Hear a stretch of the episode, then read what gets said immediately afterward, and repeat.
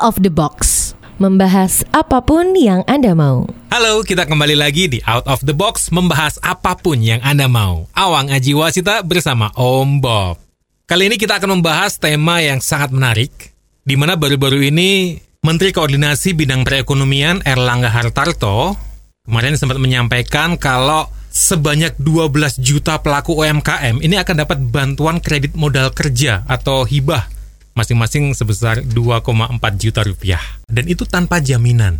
Ini apakah akan memiliki efek yang bagus Om Bob? Ya kita salut ya pemerintah sudah berinisiatif memberi pinjaman tanpa bunga, Mhm, tanpa jaminan, mhm. masing-masing 2,4 juta rupiah untuk UMKM yang eh, sangat kecil ya. Itu usaha itu bagus sekali ya.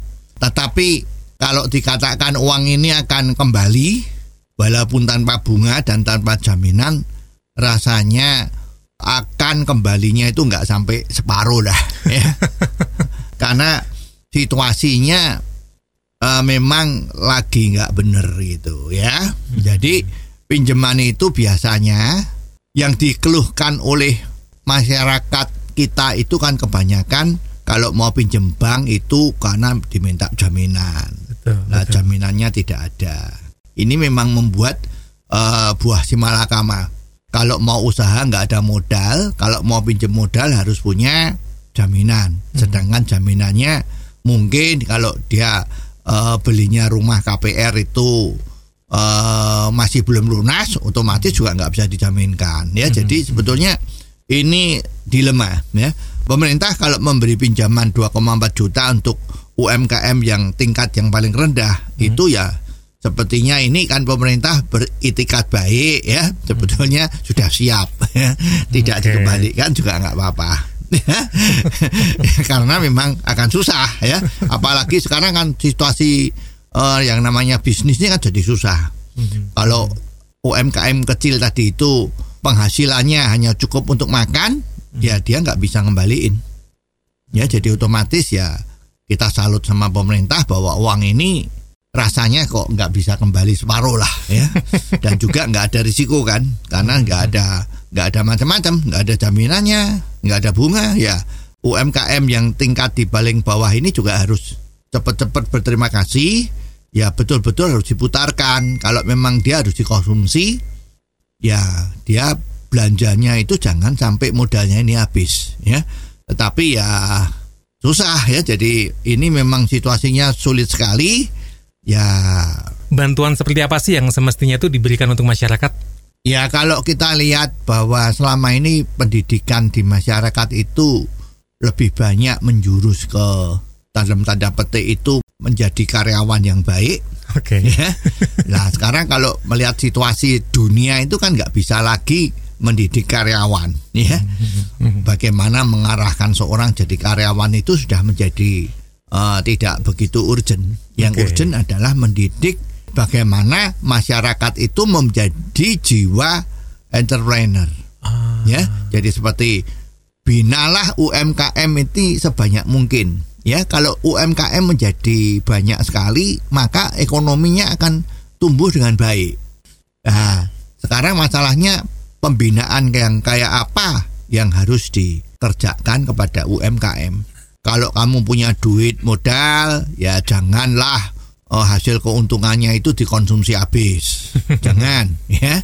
Jadi misalnya kalau ada usaha, ada untungnya itu katakanlah lima ratus ribu rupiah, Oke. ya yang dipakai itu katakanlah 200 ribu saja yang 300 dikembalikan menjadi modal ya jadi misalnya kalau sekarang belanjanya itu istilah bahasa Jawanya itu kulaan ya Oke. bahasa Indonesianya kok belum pernah ketemu ini kulaan itu apa ya Ini kulaan juga deh, Bob. oh kulaan ya jadi kalau kulaannya barang yang dia jual itu 10 biji Oke. kalau sudah untung bisa beli 5 biji Mhm. ya yang lima biji itu tiga biji buat dinikmati Mhm. dua bijinya itu dimasukkan menjadi modal untuk kulaan lagi Oh. jadi barang yang dijual menjadi 12 biji Kalau ini terus akumulatif kan lama-lama barang yang dijual banyak. Kalau barang yang dijual banyak itu otomatis nanti keuntungannya juga bisa lebih banyak. Kalau tidak mau dengan barang yang sama juga boleh ya menjadi barang yang beda. Jadi seorang pengusaha itu bisnisnya menjadi berkembang dari jual barang A menjadi jual barang A plus B menjadi barang A B C dan seterusnya. Dari mana uang itu? Dari hasil keuntungannya yang sebagian dipakai konsumsi untuk keperluan dia sehari-hari hidup, sebagian lagi untuk dikembalikan ke modal untuk kulaan tadi. Lah sering-sering masyarakat kita itu banyak yang modalnya 10 kalau untung 3 3 dihabisin. Karena kan beli udah baju untung. baru. Oh ya beli baju baru. Ya, ya, ya. Ya, beli sepatu, beli minyak wangi misalnya seperti itu. Lah dihabiskan semua. Lah ini lama-lama nggak bisa berkembang. Ya, jadi ini harus ada ada satu pembelajaran. Tapi apakah masih ada pembinaan yang lain Om Bob? Ya itu aja tidak cukup. jadi harus juga dibina artinya begini. Kasihlah pengertian yang namanya kalau bahasa kerennya sekarang itu kan customer satisfaction. Oh, Oh, iya, iya, ya, iya, iya. kepuasan pelanggan. Kepuasan Nah, ini pelanggan. harus dipelajarin juga, ya. Misalnya kalau di dalam melayani konsumen itu harus full senyum, Wah, ya. Jadi mukanya jangan ditekuk, mukanya harus senyum. Terus kalau dalam komunikasi dalam komunikasi dengan konsumen harus saling memandang dengan matanya penuh antusias, penuh perhatian, ya. Juga kalau konsumennya bingung harus dikasih penjelasan yang baik mengapa kok barang ini seperti ini seperti itu. Jadi ini semua agar supaya mempunyai dasar-dasar bagaimana memuaskan pelanggan. Ya kalau pelanggannya sudah beli barangnya ya jangan lupa bungkusnya harus yang katakanlah paling sedikit bersih ya Bersih, ya, dibungkus dengan kertas yang bersih atau apa gitu ya. Terus pada saat diserahkan ini paling penting nih ya. Pada saat menyerahkan barang yang dibeli oleh eh, konsumen itu banyak sekali kejadian yang kurang enak ya. Mestinya harus mengucapkan terima kasih Ah, kepada pelanggan yang sudah beli. Ya kita hidupnya kan dari pelanggan. betul, betul. Banyak terjadi ngomongnya terima kasih itu di dalam hati. Atau ada yang terima kasih gitu. Harusnya keras supaya konsumennya denger. Terima kasih Pak, terima kasih Bu. Tapi ya jangan terima kasih. Wah. juga. ya, jadi ini harus dikasih pembelajaran ya banyak yang diem terima uangnya terus kantongnya udah selesai ya kalau tanya juga kasar. Mau apa lagi? Wah, ini kan nggak bener. Jadi ini harus dikasih contoh-contoh ya. Kalau dagangannya banyak pengusaha itu juga dikasih tahu bagaimana untuk meleverage. Artinya itu supaya jangan belinya satu ya. Kalau begitu dia udah pilih oke deh aku pilih yang ini. Ya harus belajar mulai menawarkan yang lain Oke, Om Bob kita break dulu sebentar. Sambil terus kita tungguin kalau ada yang akan mengirimkan komentarnya untuk bisa kita bahas di sini, langsung aja kirim WhatsApp di 0878 5590 7788. Out of the box. Membahas apa pun yang Anda mau. Kembali lagi di Out of the Box membahas apa pun yang Anda mau. Di segmen sebelumnya kita mulai membahas tentang pengusaha atau penjual yang juga harus menerapkan sistem upselling ya Om Bob. jadi kalau udah beli barang satu atau dua macam udah ketemu orang tersebut harus ditawarin untuk beli barang yang lain itu namanya upselling Upselling. ya. Jadi kalau istilahnya kalau di dunia financial itu kan ada yang top up. Wah, kalau sekarang kita beli pulsa itu juga top up ya. Nah, ini namanya upselling. Ya, jadi kalau misalnya udah dia udah beli makanan, misalnya kita jual makanan, udah Oke. beli makanan dua tiga macam, tawarin. Ini ada minumnya, ada yang enak ini. Ah, Misalnya begitu kan. Nah, itu namanya upselling upselling. bagaimana membuat satu konsumen itu belanjanya lebih banyak di tempat you jualan tadi itu. Ya apa pun. Kalau you jualan gula Jawa ya tawarin. Ya kalau udah punya gula Jawa mau beli nggak? air kelapanya. Misalnya seperti itu.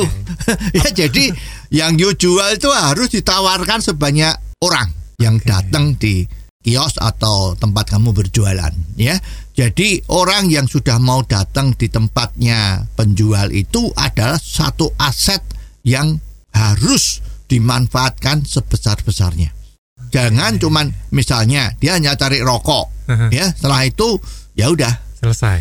ya harus tawarin. Koreknya mau nggak? Ya kalau belinya rokok satu apa mau dua? Misalnya Ah. seperti ini ya. Nah juga di sini harus dipelajarin juga eh, namanya pricing strategy. Misalnya kalau beli barang satu rokok ya. Mhm. konsumen satu tuh beli rokok. Mhm. rokok nggak apa-apa ada ya. Ini masalah sehat atau ti- tidak sehat tuh contoh lain tuh ya. oke. jadi misalnya beli rokok A Oke. ya. Ini agak promosi nih. A tuh ada merek rokok Oh, iya. kan. Ya bilang D aja dah ya. Atau golf G ya. Ada orang beli rokok. Kalau rokok kan orang itu kan nggak mau kalau udah cocok dengan M ya dia maunya rokoknya M nggak Hmm. mau diganti yang lain kalau Oke. ditawar-tawarin nggak mungkin mau betul Mhm. nah maka kalau dia beli satu misalnya untung kita itu bisa tiga ribu Oke. misalnya ya Hah? Nah, tawarin bungkus kedua dengan harga lebih murah sedikit. Kalau kamu beli satu ini, begitu udah beli satu kan kamu untungnya lumayan. Begitu udah selesai, yuk beli dua yuk. Yang kedua itu untungmu di- disikitin lagi. Nggak usah mikir harus sama untungnya. Ya dengan demikian barang you laku dua, tapi untungmu bukan dua kali untung pertama. Mungkin 1,7 untung pertama. Kan nggak apa-apa. Secara nilai kamu terimanya untung lebih banyak Betul betul. barangnya keluarnya dua. Jadi perputarannya lebih cepat. Kalau perputarannya udah cepat, suppliernya terhadap you juga seneng karena di tempat you barangnya lebih laku.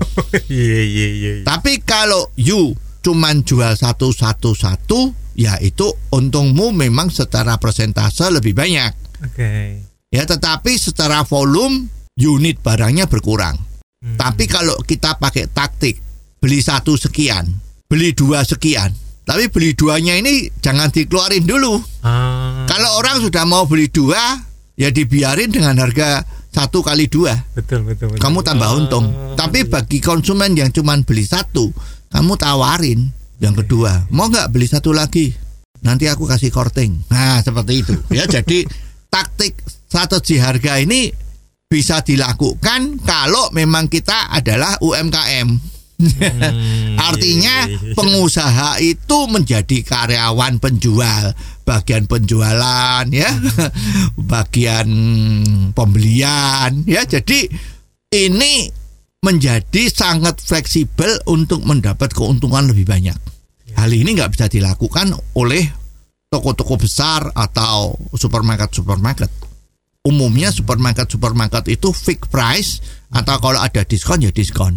Tetapi justru yang UMKM yang one man show tadi itu ya ini luar biasa bisa memainkan itu dan keuntungannya bisa lebih banyak. Om Bob, tadi ada istilah one man show. Apakah ini memang bagus untuk diterapkan? Ya ini memang one man show itu kalau di manajemen-manajemen yang modern ya kelihatan modern itu memang kelihatannya itu kan termasuk yang dilarang, yang dibenci.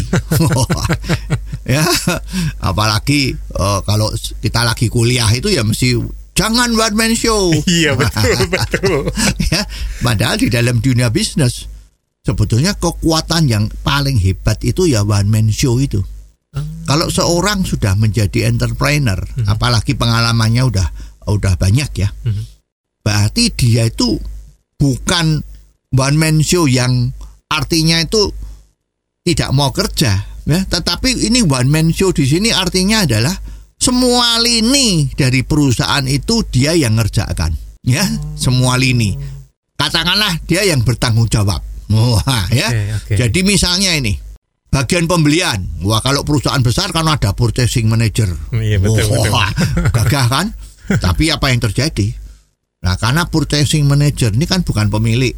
Sering-sering dia ya ada hubungan-hubungan tertentu dengan supplier itu bisa repot. Eh, Ah, Iya iya iya. iya. Harga Oke. supplier A sama harga supplier B mungkin bisa lebih mahal supplier A. Supplier B lebih murah, tetapi supplier A itu karena ada hubungan khusus. nah, purchasing manajernya ini beli barang sama yang ada hubungan khusus tadi. Otomatis perusahaannya menjadi beli barang agak kemahalan. ya, nggak cuma itu. Purchasing manager kan konsepnya ya udah pokoknya aku kerja ya Mhm. salah sedikit nggak apa-apa lah seperti itu ya jadi kalau dia udah menjadi pelanggan dari supplier A Mhm. ya ada supplier B nawarin itu dia kadang-kadang sudah aduh males lah aku udah biasa sama itu gitu kan. Ya. terus ya. jadi lama-lama dia nggak mau cari lagi apakah ada supplier lain yang harganya lebih murah. Mungkin barang itu eh, dulu barangnya kosong ya jadi barangnya sedikit jadi harganya agak mahal. Belakangan barang itu banjir oversupply itu kan bisa jadi lebih murah. Tetapi karena udah terlanjur hoping ya dengan satu supplier ini nggak enak kalau pindah itu juga terjadi wah ini ada yang lebih murah tapi kalau aku pindah nggak enak ini aku udah terlanjur baik gimana Itu gimana kalau gitu? Ya, jadi perusahaan dirugikan. Tapi kalau one man show yang pegang purchasing itu adalah pemiliknya, nah pemilik itu kan maaf kan moto duitan. Ya, pasti mana yang yang lebih murah kan dia Iya. beli. Wah, betul, betul. kalau mana yang bisa jual lebih mahal, dia jual lebih mahal ya itu mata duitan ya. Nanti besok kita bicara itu mata duitan tuh baik apa jelek ya, oke? Catat ya, catat ya. ya catat dulu deh ya. Oke, jangan ke mana-mana, kita akan kembali lagi setelah ini. Tapi, kita masih tunggu terus komentar Anda di 0878 5590 7788. Out of the box. Membahas apa pun yang Anda mau. Anda masih mendengarkan Out of the Box membahas apa pun yang Anda mau bersama Awang Ajiwasita dan Om Bob. Nah, kita baru akan membahas tentang one man show dalam menjalankan bisnis. Ini contohnya gimana Om Bob? ya purchasing manager ternyata pemiliknya sendiri udah beres Oke. ya pegawai yang jualan pemiliknya sendiri. Ya one man show kan? Iya, iya. Nah, kalau ketemu konsumen yang aneh-aneh yang maunya murah wah asal asal eh, pemiliknya tahu gua masih untung dijual. Tapi kalau pegawai wah ndak bisa. Sudah ketentuan harganya 300 ribu. Kalau enggak 300 ribu nanti saya tombok nggak mau. Padahal mungkin modalnya itu 250 ribu misalnya lo ya. Ditawar 290 nah kalau ini bosnya sendiri ownernya dijual nggak dijual daripada lari ke tempat lain. Betul, betul. ya berarti bayangin one man show tapi dia unggul. Ya kan? Belum soal jam kerja kalau karyawan jam kerja wah ini udah jam 5 tutup nih. Iya. aku udah ditunggu temanku mau jajan bakso misalnya begitu. Ya toh? wah ini ketentuan dari Depnaker ini kan cuman berapa jam per hari. Ini kok lebih? Minta lembur macam-macam. Ownernya pusing. Iya, betul, mau orang beli aja ditolak karena jam kerjanya udah habis. Toko udah tutup pabrik udah stop. Wah. tapi kalau ownernya yang jadi penjual ternyata sampai malam jam 10 dia masih buka toko. Ya nggak mikirin. Depnaker gimana? Enggak kalau dari pengusaha itu kan depnaker tuh termasuk yang momok. Ya. sudah ikut BPJS belum ya kan ya ini bagaimana lemburannya? Bagaimana cutinya? Itu bikin pengusaha pusing. Ya, tapi kalau seorang pengusaha itu dia buka tokonya sendiri, yang kerja tuh saudara-saudara sendiri, misalnya lo ya ini ya, one man show tadi itu kan nggak peduli dengan itu. Bila perlu malam jam 11 itu lagi tidur, ada yang dodok-dodok. Bos, ini gua lagi butuh nih. Ada nggak alat ini? Kebetulan mungkin mobil dia di rumah rusak tuh mobilnya buat angkut penumpang besok pagi misalnya seperti itu kan. Lah bosnya juga dengan senang hati kok nggak akan marah-marah. Tapi justru dengan dibuka malam hari itu, lah kalau harganya sepuluh ribu ya dia ngomong wah maaf ini barang ini agak susah. Ini sekarang harganya lima belas ribu. Pricing strategi lagi. ya one man show itu nggak jelek. Show, iya. Ya, jadi one man show itu bagus. kalau perusahaanmu kecil. Oke. ya jadi sebetulnya pengeterapan one man show bagus atau tidak itu tergantung dari perusahaan you. Tetapi konsep dari one man show itu sangat bagus. Jadi kalau perusahaan besar dilola seperti one man show akan bagus. Ya jadi orang yang duduk di posisi-posisi purchasing manager, service manager, ya uh, macam-macam tadi itu itu harus mempunyai pengetahuan yang seperti itu ya agar dia bisa mengerjakan segala sesuatunya seperti dia jadi owner. Kalau ini terjadi, ya perusahaan itu yang walaupun besar itu akan menjadi kuat dan menguntungkan. Ya, jadi sebetulnya kalau melihat situasi bahwa sekarang ini oknum-oknum sering teriak-teriak kalau supermarket itu akan membunuh pasar tradisional. Oh, iya, supermarket itu akan membunuh pengusaha-pengusaha kecil. Kalau melihat dari teori one man show tadi ini sebetulnya ya tidak. Cuman pengusaha yang kecil tadi itu nggak boleh menjalankan perusahaannya seperti yang kemarin-kemarin. Jadi dia harus fleksibel.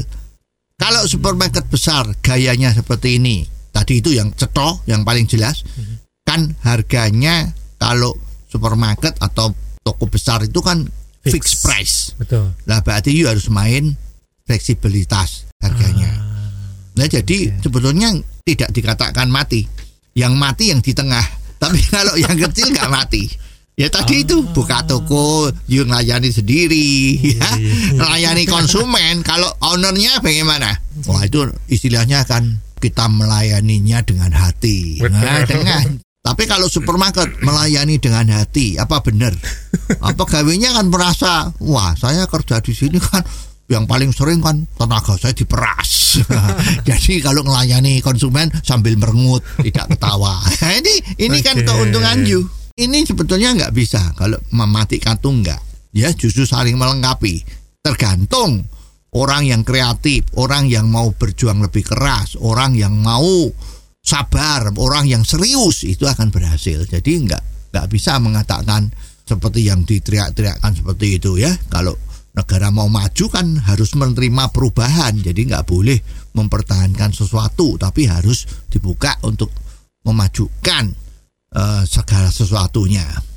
Nah, Om Bob, bicara tentang UMKM, ekonomi, ini Presiden kemarin membentuk Komite Penanganan COVID-19 dan Pemulihan Ekonomi Nasional. Dan ketua pelaksananya nggak tanggung-tanggung, Erick Thohir. Apakah ini juga berefek bagus juga untuk masyarakat, Om Bob ya? Ya ini bagus sekali. Ini terobosan yang luar biasa. Ya, jadi Presiden Jokowi itu memang eh, mengamati ya, ini tipikal orang-orang Solo. Alon-alon asal kelakon. Nah, ini sekarang kelakonnya keluar. Oke. ya kemarin alon-alon ya itu kan ada yang namanya apa bedanya mudik sama pulang kampung ya ya terus masing-masing daerah itu di, diberikan eh, saluran-saluran untuk menyalurkan egonya ya Nah, kita lihat kan ada kepala daerah sama kepala daerah yang lain itu berlomba-lomba ya untuk bisa menangani COVID ini dengan baik ya. Ada juga yang gubernur sama wali kota tapi nggak cocok ya dalam caranya menangani COVID ya itu kan udah jalan tuh ya kan. Betul. Nah sekarang rupanya udah nggak boleh alon lagi alon-alonnya udah selesai lah ya. Kelakon. Ini harus kelakonnya. lah kelakonnya dibentuklah oleh presiden tadi itu yang diketuai oleh Menteri BUMN Erick Thohir ya. Nah ini Erick Thohir ini bertanggung jawab atas kesuksesan di dalam menangani COVID juga kesuksesan pemulihan ekonomi. Jadi dia dianggap mempunyai visi yang lebih luas. Ya tidak seperti kacamata kuda ya. Oke, hanya oke. lihat ini covid melulu ya. Nah, ini melihat covid dan melihat efeknya terhadap perkembangan ekonomi ini memang harus orang-orang yang seperti ini Oke, Om Bob kita akan break dulu sebentar, nanti kita akan kembali lagi. Kalau Anda punya komentar silahkan dikirim via WhatsApp di 0878 5590 7788. Out of the box. Membahas apa pun yang Anda mau. Terima kasih Anda masih terus bersama Out of the Box, membahas apa pun yang Anda mau. Silakan kalau Anda punya komentar tentang apa pun juga yang bisa kita diskusikan di sini, langsung aja dikirim via WhatsApp di 0878 5590 7788. Nah, kita masih membahas tentang langkah pemerintah untuk bikin komite yang menangani COVID-19 sekaligus masalah ekonomi. Karena memang dua hal itu butuh penanganan khusus ya, Om Bob. Jadi kalau hanya memikirkan COVID saja, ini kan udah berapa ini? Mulai Februari sampai sekarang. Ya mungkin 4, 4 bulan ini orang sudah setengah mati. Betul. Uh, karena nggak bisa usaha macam-macam ini tabungannya sudah sudah uh, menipis. Mungkin sudah ada yang habis ya. Lah bantuan pemerintah juga kemarin juga uh, rame-rame itulah ya.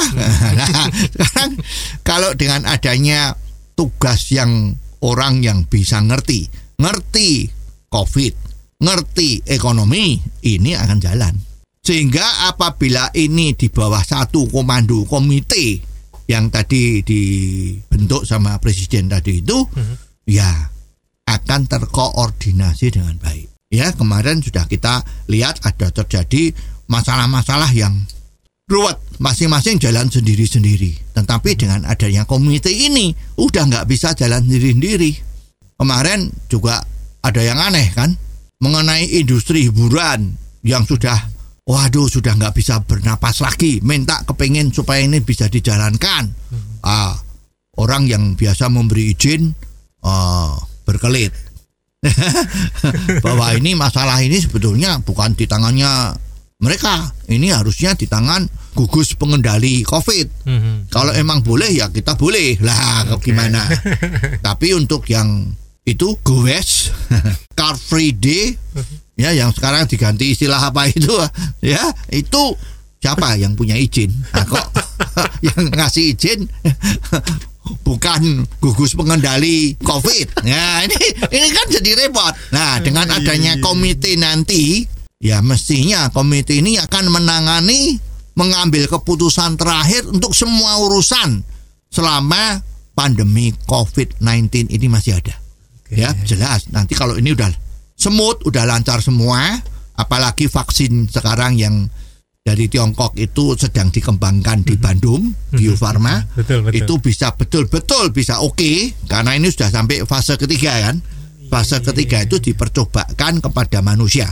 Mhm. Manusia dari segala usia, ada yang kecil, ada yang uh, dewasa, ada yang STW, ada yang udah usur, itu coba semua. Baik laki maupun perempuan ya. Nah, itu kalau nanti berhasil kan sudah boleh diproduksi massal dan dijual.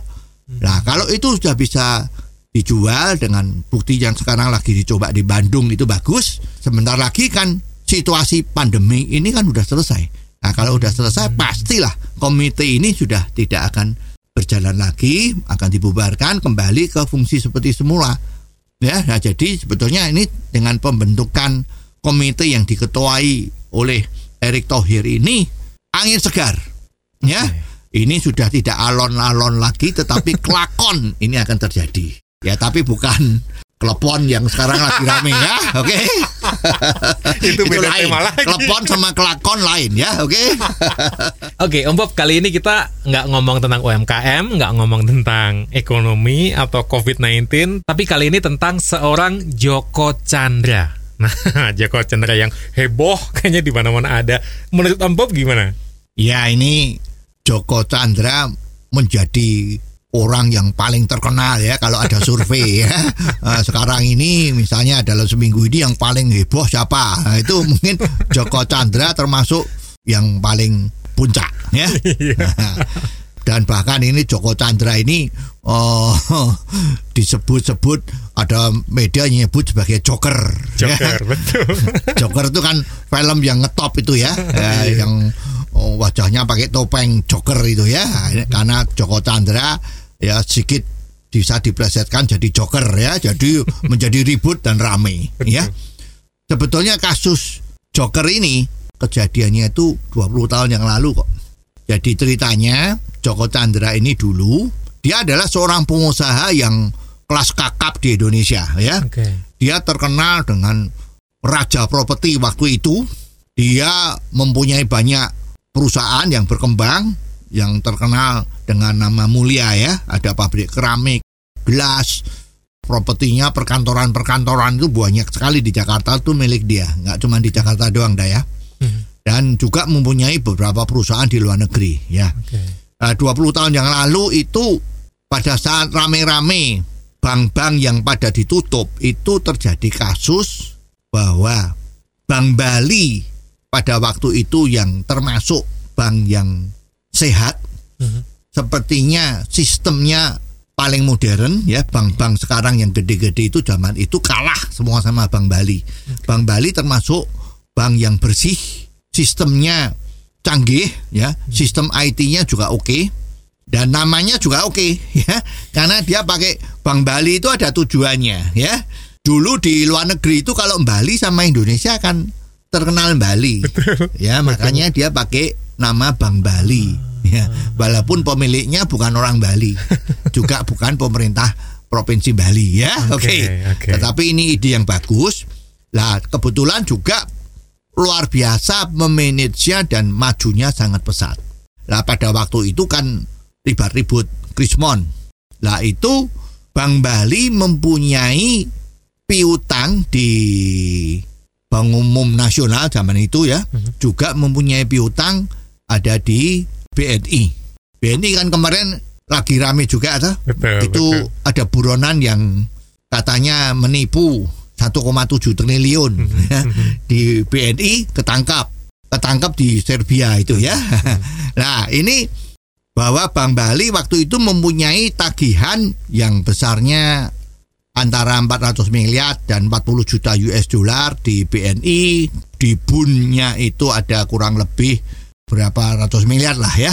Dan itu ternyata Bank Bali tidak bisa meminta piutang itu karena dikatakan oleh Bank Indonesia. Waktu itu kalau bank yang lagi sakit-sakit yang kemarin masuk BBPN itu kan direkap siapa yang punya piutang ya. Katanya Bank Bali tidak bisa diikutkan gara-gara administrasi yaitu bahwa Bank Bali terlambat menyerahkan daftar piutangnya yang ada di BNI maupun di BUN. Nah, sehingga tagihannya itu dianggap hangus. Oke. Nah, seorang pengusaha punya piutang gara-gara memberikan rekap piutang itu dianggap terlambat terus hutangnya yang demikian besar tadi itu dikatakan hangus Wah. siapa yang terima ya nggak ada yang terima. Kok sepertinya tidak adil. Ya? Nah, kan itu kalau mau diselamatkan sama pemerintah semua terus ayo siapa yang punya piutang cepat lapor gitu. Ya ini katanya terlambat. Tapi terlambat kalau jumlahnya cuma 100 ribu perak ya mungkin nggak apa-apa lah ya. Yang ngurus lebih mahal daripada eh, uangnya yang kembali. Nah, karena ini jumlahnya hampir triliun atau lebih dari triliun ya sekarang ya. Itu kan nggak mau diem dong. Nah timbullah semacam jual beli piutang. Nah jual beli piutang ini Joko Chandra ini berbareng dengan beberapa tokoh-tokoh yang cukup dikenal secara politik itu melakukan jual beli utang piutang. Itu namanya cesi. Nah, dengan bayaran kalau bisa dibayar, maka ongkos dari cesi ini adalah 50% dari jumlah total yang menjadi tagihan tadi itu. Wow. Om Bob, kita break dulu sebentar. Nanti kita akan kembali lagi di Out of the Box membahas apa pun yang Anda mau. Out of the box. Membahas apa pun yang Anda mau.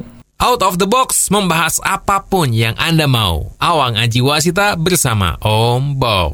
Dan masih seputar Joko Chandra. Kita tadi mulai membahas tentang jual beli utang piutang Om Bob. Istilahnya cesi. kalau cara hebatnya kan cesi gitu kan? Sebetulnya ini kan kalau sekarang yang umum di multi finance multi finance itu yang eh, memberi kredit sepeda motor atau mobil itu ya ini namanya debt collector ya. Debt Cesi, collector kelas tinggi lah ya secara lokal dibolehkan Ya, Oke. dibolehkan itu. Kalau saya punya piutang minta tolong ini saya jual beli, saya piutangnya dibeli kamu dah. Nyo ini ongkosnya eh, 50% ya, tetapi kalau itu udah dibayar ya. Oke. Atau, atau bagaimana? Pokoknya ada perjanjian seperti itulah ya. Oke. Itu itu sah ya. Itu Ah. boleh. Nah, sekarang akhirnya entah karena lobbynya hebat atau negonya luar biasa, utang itu dibayar. Oh. Ya luar biasa kan?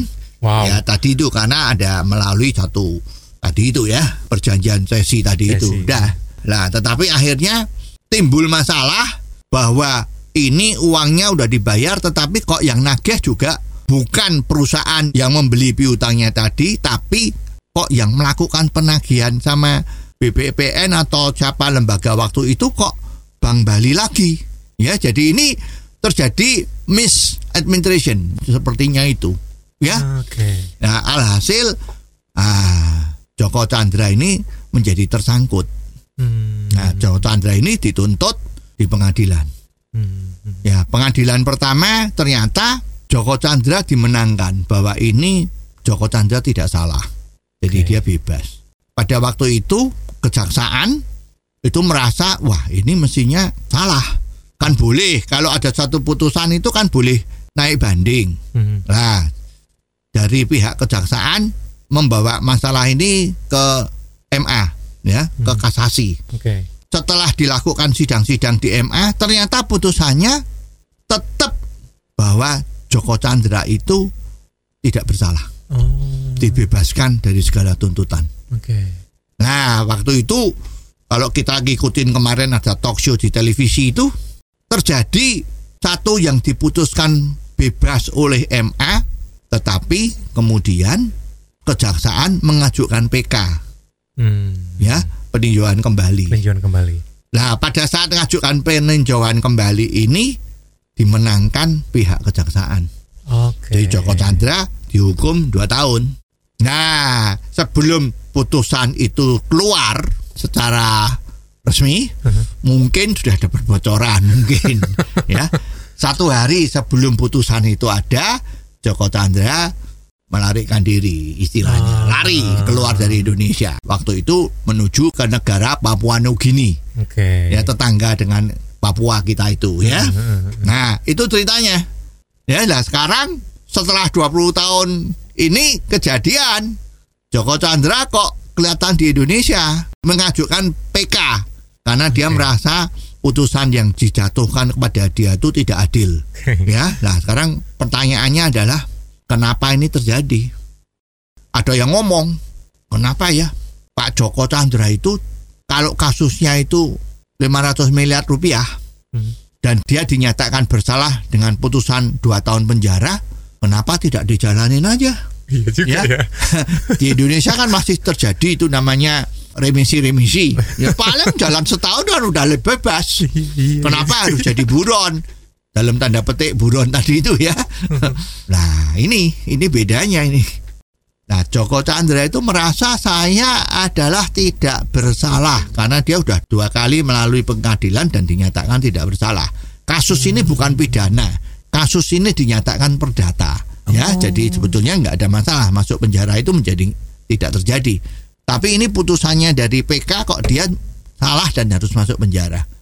Dia mengatakan, kalau memang saya salah, hukuman 10 tahun pun saya akan terima. Oke. Tetapi kalau saya tidak salah, satu hari pun saya tidak mau masuk penjara. Nah itu. Dan dia rela 500 miliar kalau dia bayar waktu itu penjara dilakukan dua tahun. Tetapi kalau remisi mungkin ya cuma setahun. Nah, kalau ada hubungan khusus ya mungkin Pendek lagi. Hotel Prodio itu bisa menjadi hotel bintang 4 atau bintang 5 kan. Tetapi dia nggak mau melakukan itu. Dia rela dicari-cari dan meninggalkan Indonesia. Nah ini ada apa? Ya kalau kemarin kita sempat mengikuti acara televisi yang meributkan masalah ini, kita akan bertanda tanya. Sebetulnya ada apa? Kalau Joko Chandra itu tidak terlibat kasus seperti ini, ya kalau ikut kita anggap tidak ada ya, itu sebetulnya Joko Chandra itu aset dari Indonesia. Pengusaha yang begitu hebat. Sekarang dia malah di Papua nih gini bikin jaringan supermarket paling besar di sana ya terus di Malaysia di tempat tinggal dia sekarang Kuala Lumpur katanya ya itu dia mempunyai gedung yang paling tinggi melebihi Petronas Oh. Ini kan sayang. Ya jadi kalau tidak ada masalah itu bisa dikesampingkan sebetulnya. Kita tuh butuh orang-orang hebat seperti dia untuk bantu membangun Indonesia. Tapi bukan soal hukum-hukum lah ya. Hukum-hukum itu kita lupain misalnya. Ya kalau memang sekarang hukum itu lebih penting ya ya monggo. Nggak ada masalah ya. Cuman ini adalah background. Kenapa orang yang seperti itu rela dikejar-kejar? Ya walaupun cuma dihukum dua tahun nanti kalau remisi paling setahun. Nah ini mestinya harus menjadi introspeksi untuk sekarang maupun yang akan datang sebetulnya ada apa? Jangan-jangan Joko Chandra itu nggak cuma satu mungkin banyak juga ya. Kita nggak ngerti dah ya. Yes, menarik sekali obrolan kita episode kali ini. Kita akan ketemu di episode selanjutnya di Out of the Box membahas apa pun yang Anda mau. Jangan lupa kirim komentar Anda untuk bisa kita bahas di sini, tentunya via WhatsApp di 0878 5590 7788. Bisa juga via email di alamat apa pun yang Anda mau at gmail.com. Sampai ketemu minggu depan, Awang Ajiwasita bersama Om Bob. Out of the box. Membahas apa pun yang Anda mau.